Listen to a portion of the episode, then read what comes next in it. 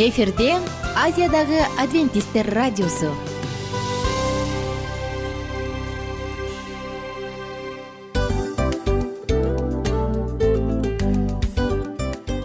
Достор салют. Баардык сүйүктүү угармандарыбызга салам айтабыз. Кутман күнүңүздөр менен.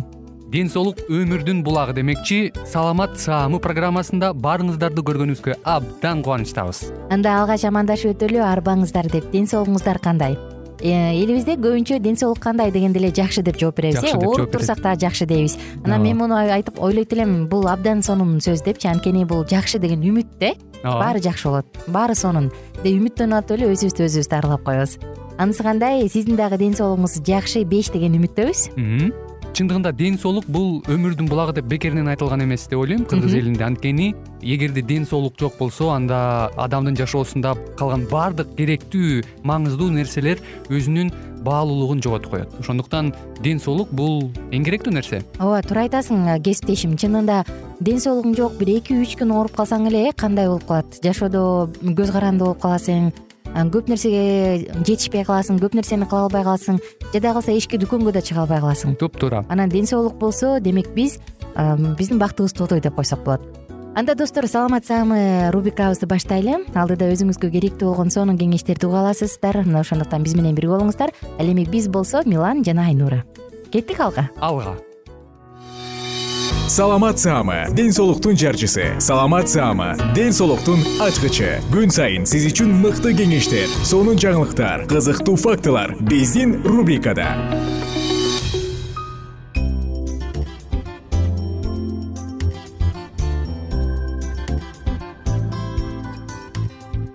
кутман күнүңүздөр менен достор. Жалпы биздин угармандарыбызга сагынычтуу ысык салам айтабыз. Бүгүн кайрадан сиздер менен саламат саама рубрикасында ден соолуктун пайдасы тууралуу ден соолукка кам көрүү тууралуу сонун маалыматтарды айтып берүүгө даярбыз бүгүнкү тема тиштердин гигиенасы деп аталат. Ооба достор чындыгында аң сезими ордунда. Деги эле акыл эстүү адамдардын баардыгы эртең менен кечкисин тиштерин жуйт туурабы?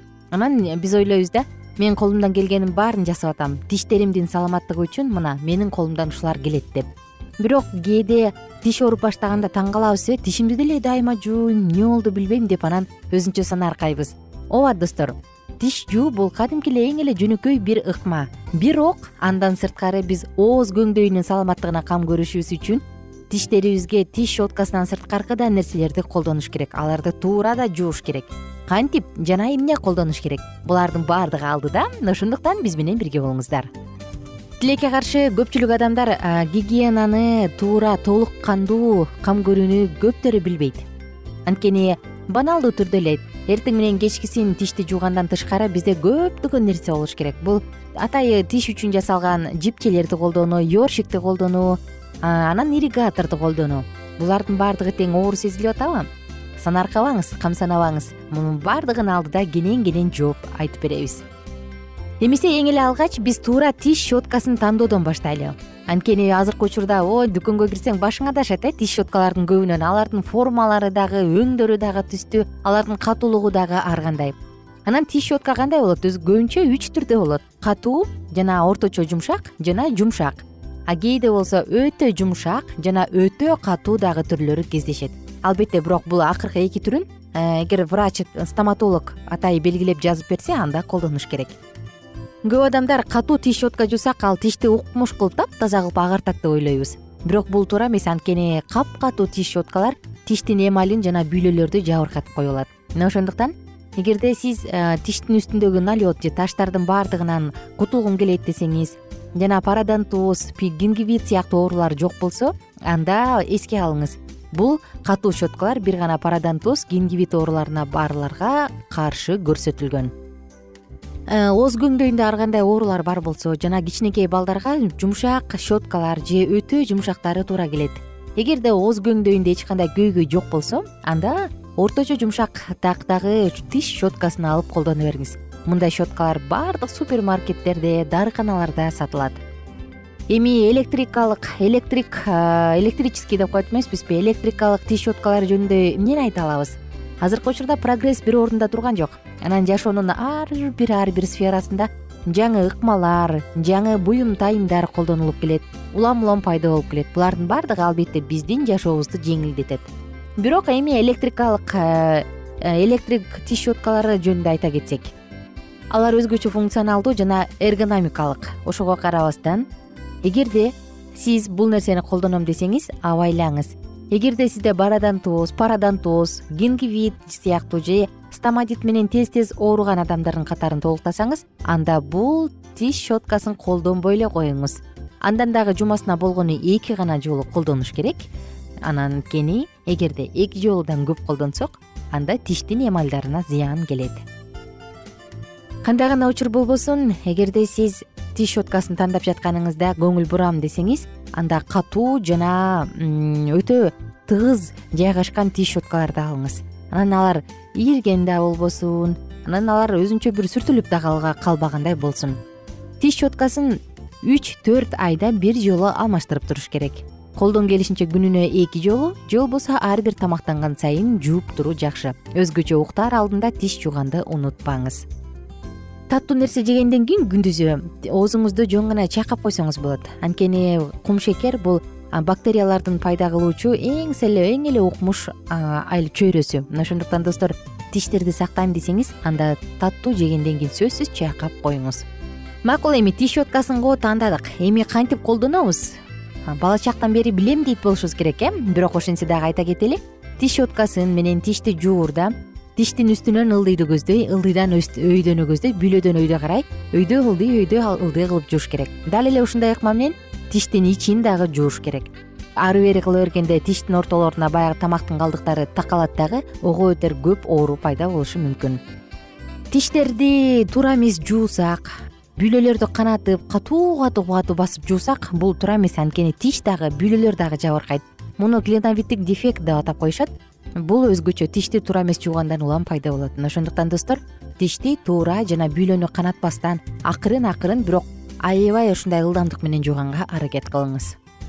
Эми болсо тишке кам көрүүдөгү кийинки арсеналга дагы эмне кирет? Тизменин экинчи бөлүгүндө бул тиш жипчеси атайы же флосс бар.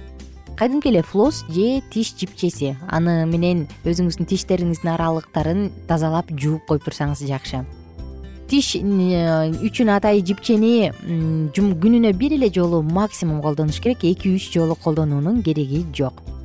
Жана ошондой эле ирригатор деп айтпадыкпы эми бул эмне болгон ирригатор десеңиз эч чочулабаңыз стоматологко барганда алар атайын ушундай. Кичинекей бир шприцке сорулган суу менен тиштерибизди жууп тазалап коет эмеспи? Мына дал ушул нерсе ирригатор.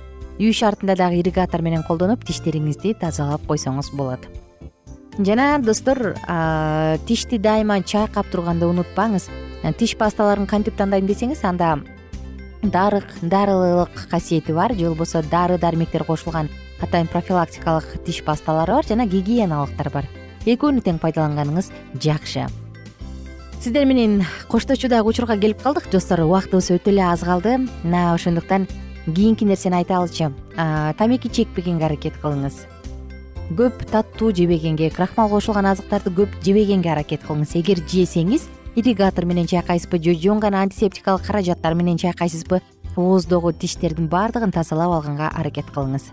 Тиш ооз бул биздин адамдар менен мамилелешүүдөгү эң чоң роль ойногон органыбыз ошондуктан анын тазалыгы үчүн кам көрүңүз жана жылмайып голливуддук жылмаюу менен жакындарыңызды кубантып жүрө бериңиз а мен болсо сиздер менен коштошом достор. Кийинки уктуруудан кайрадан амандашканча күнүңүздөр көңүлдүү улансын.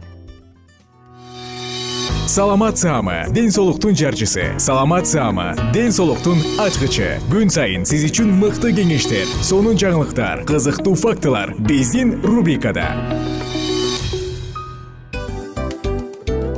Салют замандаштар баарыңыздарга ысык салам дил маек программабызга кош келиңиздер. Дил маек рубрикасы дегенде эле бул эмне болгон дил маек ким менен маектешебиз деп сурайт болуш керек угармандарыбыз бул рубриканы кыскача тааныштыра кете турган болсок ар тарап кесип ээлеринен болгон сонун интервью кеңештер бар. Ооба. жылдыздар менен болгон маек бар.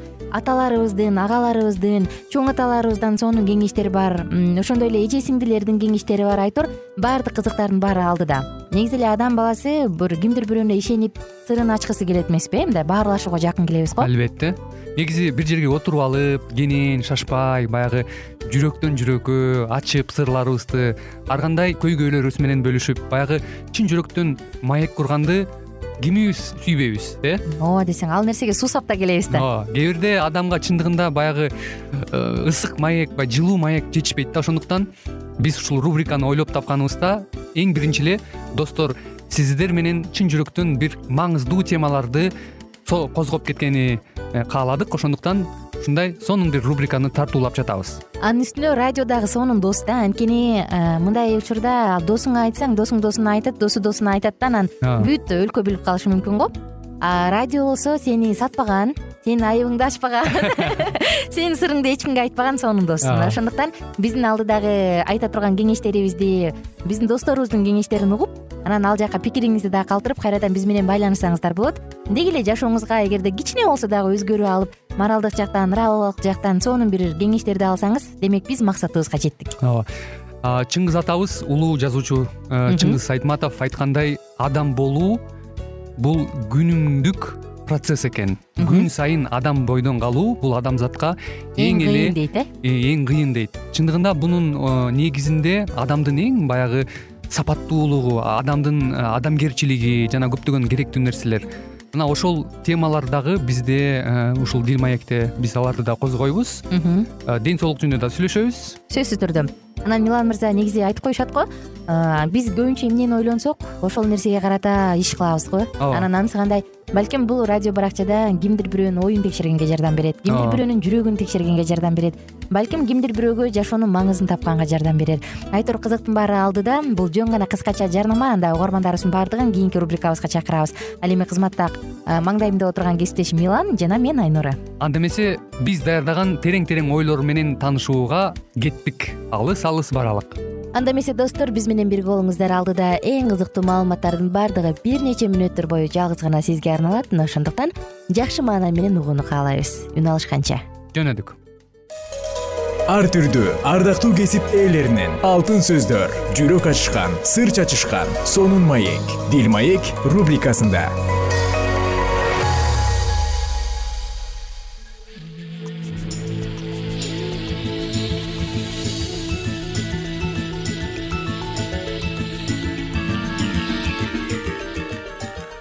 кутмандуу күнүңүздөр менен кымбаттуу радио угармандарыбыз кайрадан эле сиздердин назарыңыздарда бактылуу никенин баалуу эрежелери аттуу радио передачабызда кездешип жатканыбызга өтө кубанычтабыз. Бүгүнкү программабыздын чыгарылышында адаттагыдай эле кызматыңыздарда аты жөнүм мен улан жана ошондой эле кесиптешим. Саламатсыңарбы мен асель бүгүнкү уктурууда кандай кеңештерге орток болобуз деп турган болсоңуз анда эмесе биздин ободон алыстабай биз менен биргеликте болуңуз. Алдыда эң сонун кызыктуу кеңештер бар экен атап айтсак биз жубайларга берген кеңештерибизди сунуш кылабыз. Анда эмесе кеттик. Алдыда деги эле эркек менен аялдын ортосундагы мамилелер кандай болуш керек дал ушул туурасында? Үй бүлөлүк жаатка багытталган программабызды баштайбыз. Мисалга биз көпчүлүк учурда айтып келебиз да аялдар комплиментке муктаж деп туурабы сөзсүз түрдө ар бир эле адам э, жылуу сөзгө э, жылуу жумшак мамилеге муктаж эмеспи андыктан аял болобу эркек болобу баардык эле адамзат бул нерсеге табияттан муктаж болуш керек деп ойлойм. Эң туура андан тышкары эркектердин суктанганга табигый муктаждыгы бар экени далилденген экен туптуура себеп дегенде ар бир эле мырзалар э, сулуу айымдарды көргөндө негизи эле эркектин табияты жаратылышынан бул суктанууга өтө муктаж э, болуп келишет. Э, андыктан эркек киши көзү менен сүйөт ал эми аял болсо кулагы менен сүйөт деп коет эмеспи анысы кандай мына эркектин мүнөзү табиятынан жаралганынан ушундай болот экен. Андыктан бул нерседе эч убакта баягы никелик жашоодо бири бирин кызганып анан сен тигини карап койдуң анан сен болсо мынтип койдуң дегендин ордуна бул нерсени дагы түшүнүк менен кабыл алыш керек экен. Бирок бул жаатта дагы эч убакта баягы аша чаап кетип эле мен эми мен ушинтип жаралып калсам эмне болуптур деп дагы бир жаңжал чыгарганга аракет кылбаш керек экен.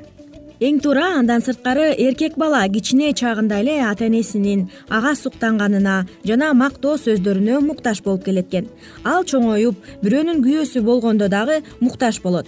Бирок эми ага аялынын суктануусу керек бул муктаждык ага ишенимдүүлүккө ээ болгонго мүнөздөгү эркектик өзгөчөлүктөрдү чыгарганга жана андагы эркектик потенциалды ишке ашырганга дагы жардам берип келет экен сөзсүз түрдө себеп дегенде баягы эркек балдар үй бүлөлүк жашоодо деле ата эне болуп калган жубайлар деле билсе керек. Мисалы үй бүлөдө эркек балаң болсо деле ага бир ишти кылганда комплимент айтып койсоң жакшы сөз арнап койсоң ал тим эле э, ушунчалык кубангандыктан көп нерсени бат баттан кылып салат эмеспи ошол сыяктуу эркек адамдын дагы табияты бул жаратылышынан э, өтө бирөөнүн мактоосуна ушинтип жигерлеп анын жашоосуна бир стимул берип турганга ушул нерсени мындай талап кылат экен да эркек адамчы. Дайыма жакшы сөз айтып койсоң ал тим эле дардалаңдап баардык нерсени кылганга аракет кылат экен да. Демек бул нерсени дагы айымдар эске алып коюңуздар абдан зарыл экен.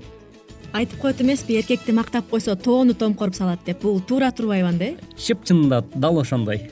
Мисалы эркек балдарга дагы эркек кишилерге деги негизи эле. Чыдамкайлык чечкиндүүлүк тырышчаактык жетишкендиктер ар кандай жөндөмдүүлүктөр жоопкерчиликтер жана башка анын денесиндеги артыкчылыктар бул анын күчтүү булчуңдары. Бою жоон үнү дене түзүлүшү кең далысы күчтүү чоң колдору жана башка ушул сыяктуу нерселерди биз баса айтып кетпесек дагы болбос сөзсүз түрдө ар бир эле мырза бул эркектик сапатын көрсөткөнгө аракет кылат эмеспи. Демек бул жаатта дагы айымдар эске алуу менен биргеликте э, ушул өзүңүздүн сүйүктүүңүзгө өзүңүздүн жолдошуңузга үй бүлөлүк никелик жашоодо сөзсүз түрдө баягы марттык менен жолдошуңузга карата болгон э, сүйүү сезимдериңизди жана ошондой эле э, албетте бул багытта дагы күйөөңүзгө карата болгон сый урмат мамилеңизди аябаганга мындай марттык менен ага менен э, жөн эле бир курооз сөз менен э, мактап койбостон чын жүрөктөн мактаганга аракет кыла турган болсоңуз анда сиз өзүңүздүн никелик жашооңузду дагы э, дагы дагы бекемдегенге жакшы бир шарттарды түзгөн болот экенсиз. Бирок абайлаңыз айымдар эгер жолдошуңуз узун бойлуу болбосо акыркы убакта чачтары агарып ичи чыгып калса аны журналдагы культуристке окшошсуң дебеңиз. Мындай салыштырмалуу ага шылдың кылгандай тиет. Жолдошуңузга андан башка көңүл бура турган көптөгөн артыкчылыктар бар болуш керек. Башка адамдар байкай албаган жана баалабаган жакшы сапаттарды табыңыз. Ушундай аялдар өз күйөөлөрү үчүн эң акылдуу жана сүйөктүү боло алышат ооба чындап эле эгерде жолдошуңуздун э, турган турпатында дейбизби же анын өңү келбети э, эч кандай э, ошол нерсеге мындай окшош болбосо деле жөн эле жерден сен мындайсың деп бир салыштыруу кыла турган болсоңуз тескерисинче анын көңүлүн оорутуп алышыңыз дагы ыктымал экен. Андыктан бул нерсени дагы эске алып коюу абдан абзел болуп саналат экен. Демек бул жаатта дагы айымдар акылмандуулук менен иш кыла турган болсоңуз анда сөзсүз түрдө өзүңүздүн сүйүктүүңүздүн туура көңүлүн тапканга дагы э, чоң салым кошкон болот экенсиз. Андыктан э, деги эле айткыбыз келет э, эркек адам болобу ошол эле айымдар болобу бири бирибиздин жубайлык милдетибизде сөзсүз түрдө ар бирибизге карата болгон сүйүү комплименттердин көбүрөөк айтканга аракет кылышыбыз керек экен да. Мисалы жөн эле мен сени сүйөм деп эле жөн эле айтып койбостон мисалы эркек киши көбүрөөк үй бүлөдө өзүнүн жубайына карата болгон сүйүүсүн билгизүүдө бир күндө он жолу сиз өзүңүздүн сүйүктүүңүздү мен сени сүйөм деп анын көздөрүнө тике карап э, жөн эле э мен сени сүйөм деп мынтип айтып койбостон мен сени сүйөм мен сенин э, кандай сен татынакайсың деген сыяктуу бир э, марттык менен ушундай өзүңүздүн сүйүү сезимдериңизди күнүнө он жолу ирет айта турган болсоңуз бул дагы сиздин никелик жашооңузду дагы дагы бекемдегенге эң жакшы бир шарттарды түзүп берген болот экен. Андыктан сүйүү жаатында жана үй бүлөлүк жашоодо никеңиздин бекем болушун тилеген болсоңуз сөзсүз түрдө бул нерсени эсиңизден чыгарбаңыз. Албетте дагы бир айта кетчү нерсе бул жакшы угуучу болуңуз. Ал сиз менен жумушта болгон нерселер жөнүндө пландары жөнүндө бөлүшкөндө ага көңүл коюп угуңуз. Эгер ал сиз менен бир нерселерди бөлүшүп жатса демек сиздин ага эркек катары анын жөндөмдүүлүктөрүнө ийгиликтерине жана пландарына суктанышыңыз үчүн айтып жатканы талашсыз бул нерселерди сөзсүз түрдө жашооңузда колдоносуз жана колдоно бересиз деген тилек менен бизге бөлгөн убактыбыз дагы өз соңуна келип жетип калыптыр. Ар бир айтылган кеңеш кептер жашооңузда өзүнүн мыкты жемишин бере берсин деген тилек менен биз бүгүнкү радио берүүбүздүн э, көшөгөсүн дагы жапмакчыбыз. Кайрадан эле биз сиздер менен дал ушул аба толкундан үн алышканча ар бириңиздердин э, үй бүлөдөгү никелик жашооңуздар бактылуу жана ошол эле учурда үзүрлүү боло берсин деген тилек менен биз сиздер менен коштошмокчубуз эмки берүүдөн кайрадан эле дал ушул ободон үн алышканча аман болуңуздар. Ар түрдүү ардактуу кесип ээлеринен алтын сөздөр жүрөк ачышкан сыр чачышкан сонун маек дил маек рубрикасында.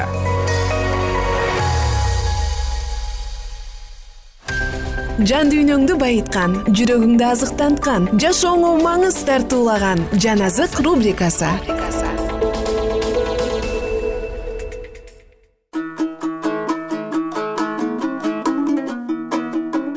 саламатсыздарбы достор? Жана кадырман замандаштар жалпыңыздар менен кайрадан амандашып улуу күрөш китебин андан ары улантабыз. Тыңдап жатканыңыз жан азык рубрикасы. Эмесе биз менен бирге болуңуздар. Бул жолугушууну адам кулаганда ыйлашкан жана ыйса жеңип чыкканда кубанышып шаттанган жана башка ишенген адамдарды анын ысымынын атынан өлүмдөн куткарган периштелер дагы карап турушат. Ал эми алар куткаруу ишинин аяктаганын көрүштү жана алардын кудайды даңктаган ырлары мукамдуу угулат. Тактынын алдындагы кудайдын даңкы менен жалтыраган отко аралашкан айнек деңизде айбанды жана анын түрүн анын белгисин жана анын санынын белгисин жеңген адамдар чогулушкан сион тоосунда козу менен бирдикте кудайдын үндүү аспаптарын кармаган жерде куткарылган жүз кырк төрт миң адам турду. Алардын ойногон мукамдуу музыкасы көп суунун шаркырагындай алар тактынын алдында ошол жүз кырк төрт миң адамдан башка эч ким жаттай албаган жаңы ырды ырдап жатышты. Бул ыр муса менен козунун куткаруу ыры. Бул ыр тажрыйбаны баштан өткөргөндөрдүн ыры. Андай тажрыйбаны алардан башка эч ким көргөн эмес. Алар козунун артынан ал кай жака барбасын артынан баргандар. Бул адамдар жер үстүндөгү тирилүүлөрдүн арасынан тараталып алынышкан. Кудайдын жана козунун туун уулдары. Алар улуу кайгыдан келишкен адам жаралгандан бери болуп көрбөгөндөй кыйын күндөрдү баштарынан өткөргөндөр. Жакыптын кайгылуу күндөрүндө жакыптын зарлуу түнүн бирге көрүшкөн. Кудайдын акыркы сот мезгилинде алар жактоочусу жок жашашкан. Бирок алар куткарылышты. Анткени өз кийимдерин козунун каны менен жуушуп агартып алышты деп жазылган аян китеби жетинчи бап он төртүнчү аятта. Кудай алдында алардын ооздору жалган айткан эмес. Алар булганышкан жок. Аян он төрт беш. Мына ошондуктан алар кудайдын тактысынын алдында болушат жана анын ибадатканасында кызмат кылышат жана тактыда отурган ошолордун арасында жашайт. Алар эми эч качан ач болушпайт чаңкап суусашпайт күндүн ысыгында же башка бир жарлында күйүшпөйт себеби тактынын ортосунда турган козу аларды кайрып мүрөктүн суусунун булактарына алып барат жана кудай алардын көздөрүндөгү ар кандай жашты аарчийт аян китеби жетинчи бап он бешинчи аяттан он жетинчи аяттарга чейин.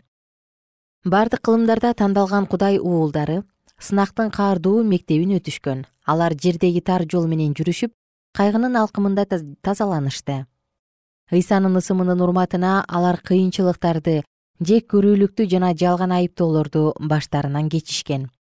Алар оор жүктү артынуу менен машаяктын артынан күрөшүп жүрүп турушкан.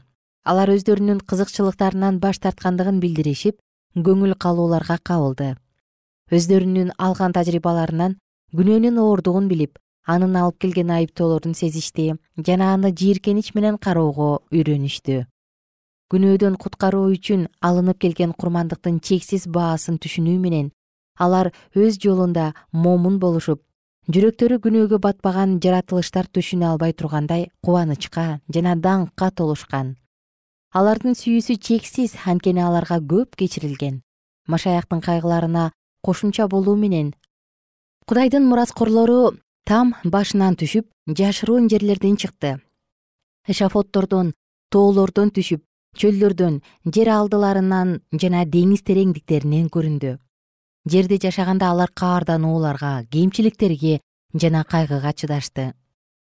Миллион деген адамдар мүрзөгө шылдың болуп киришкен анткени шайтандын азгырыгына баш ийүүдөн баш тартышкан. Бирок азыр калыс кудай өзү азыр жердин чечими каралып жатат.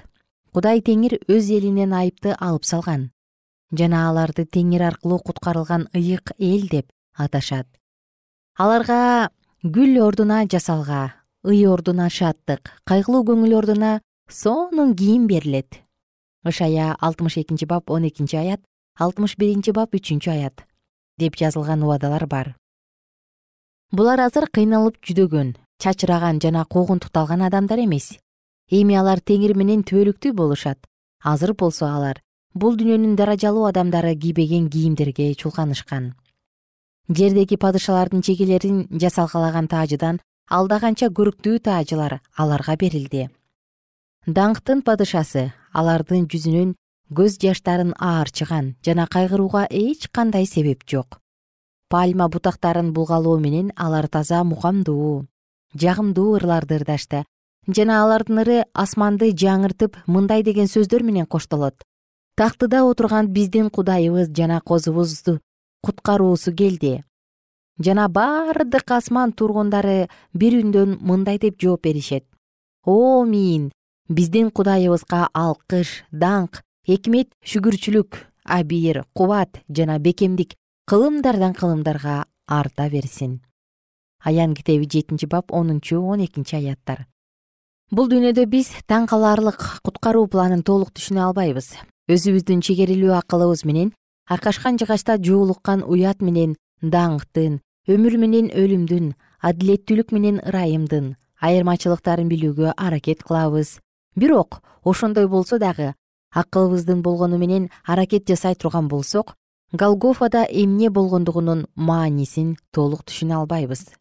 Куткарып алган сүйүүнүн узундугун жана туурасын тереңдигин жана бийиктигин биз өтө эле үстүртөн айтабыз. Куткарып алуу планы куткарылган адамдар билип калдык деген күндө дагы толук билинбейт. Бирок түгөнбөгөн түбөлүктүү өмүрдө дагы ачылып турган жаңы ачылыштардан алар таң калууларын токтотушпайт. Азап кайгы жана азгырыктар түгөнөт анткени алардын себеби алынып ташталат.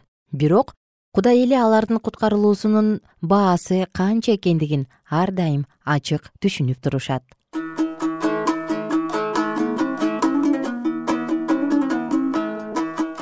кымбаттуу замандашым. Мынакей сиздер менен бүгүн дагы улуу күрөш кереметтүү китептин ичинен барактарынан бир нече сонун маалыматтарды окуп өттүк. Эмесе сиздерге кааларыбыз көңүлдүү күн жана мыкты маанай. Жашооңуздун ар бир күнүндө өзүңүздүн жана кемчиликтериңиздин кыйынчылыктардын үстүнөн жеңүүчү болуп жүрө бериңиздер. Баардыгыңыздар менен кайрадан амандашканча сак саламатта туруңуздар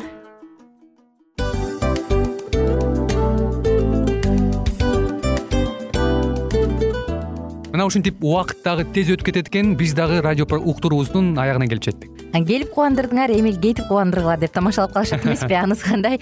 Радио баракчабызды программабызды азыр эле баштап аткандай болдук элек. Мына соңуна келдик э? Негизи убакыт э, билинбей өтүп кетет экен?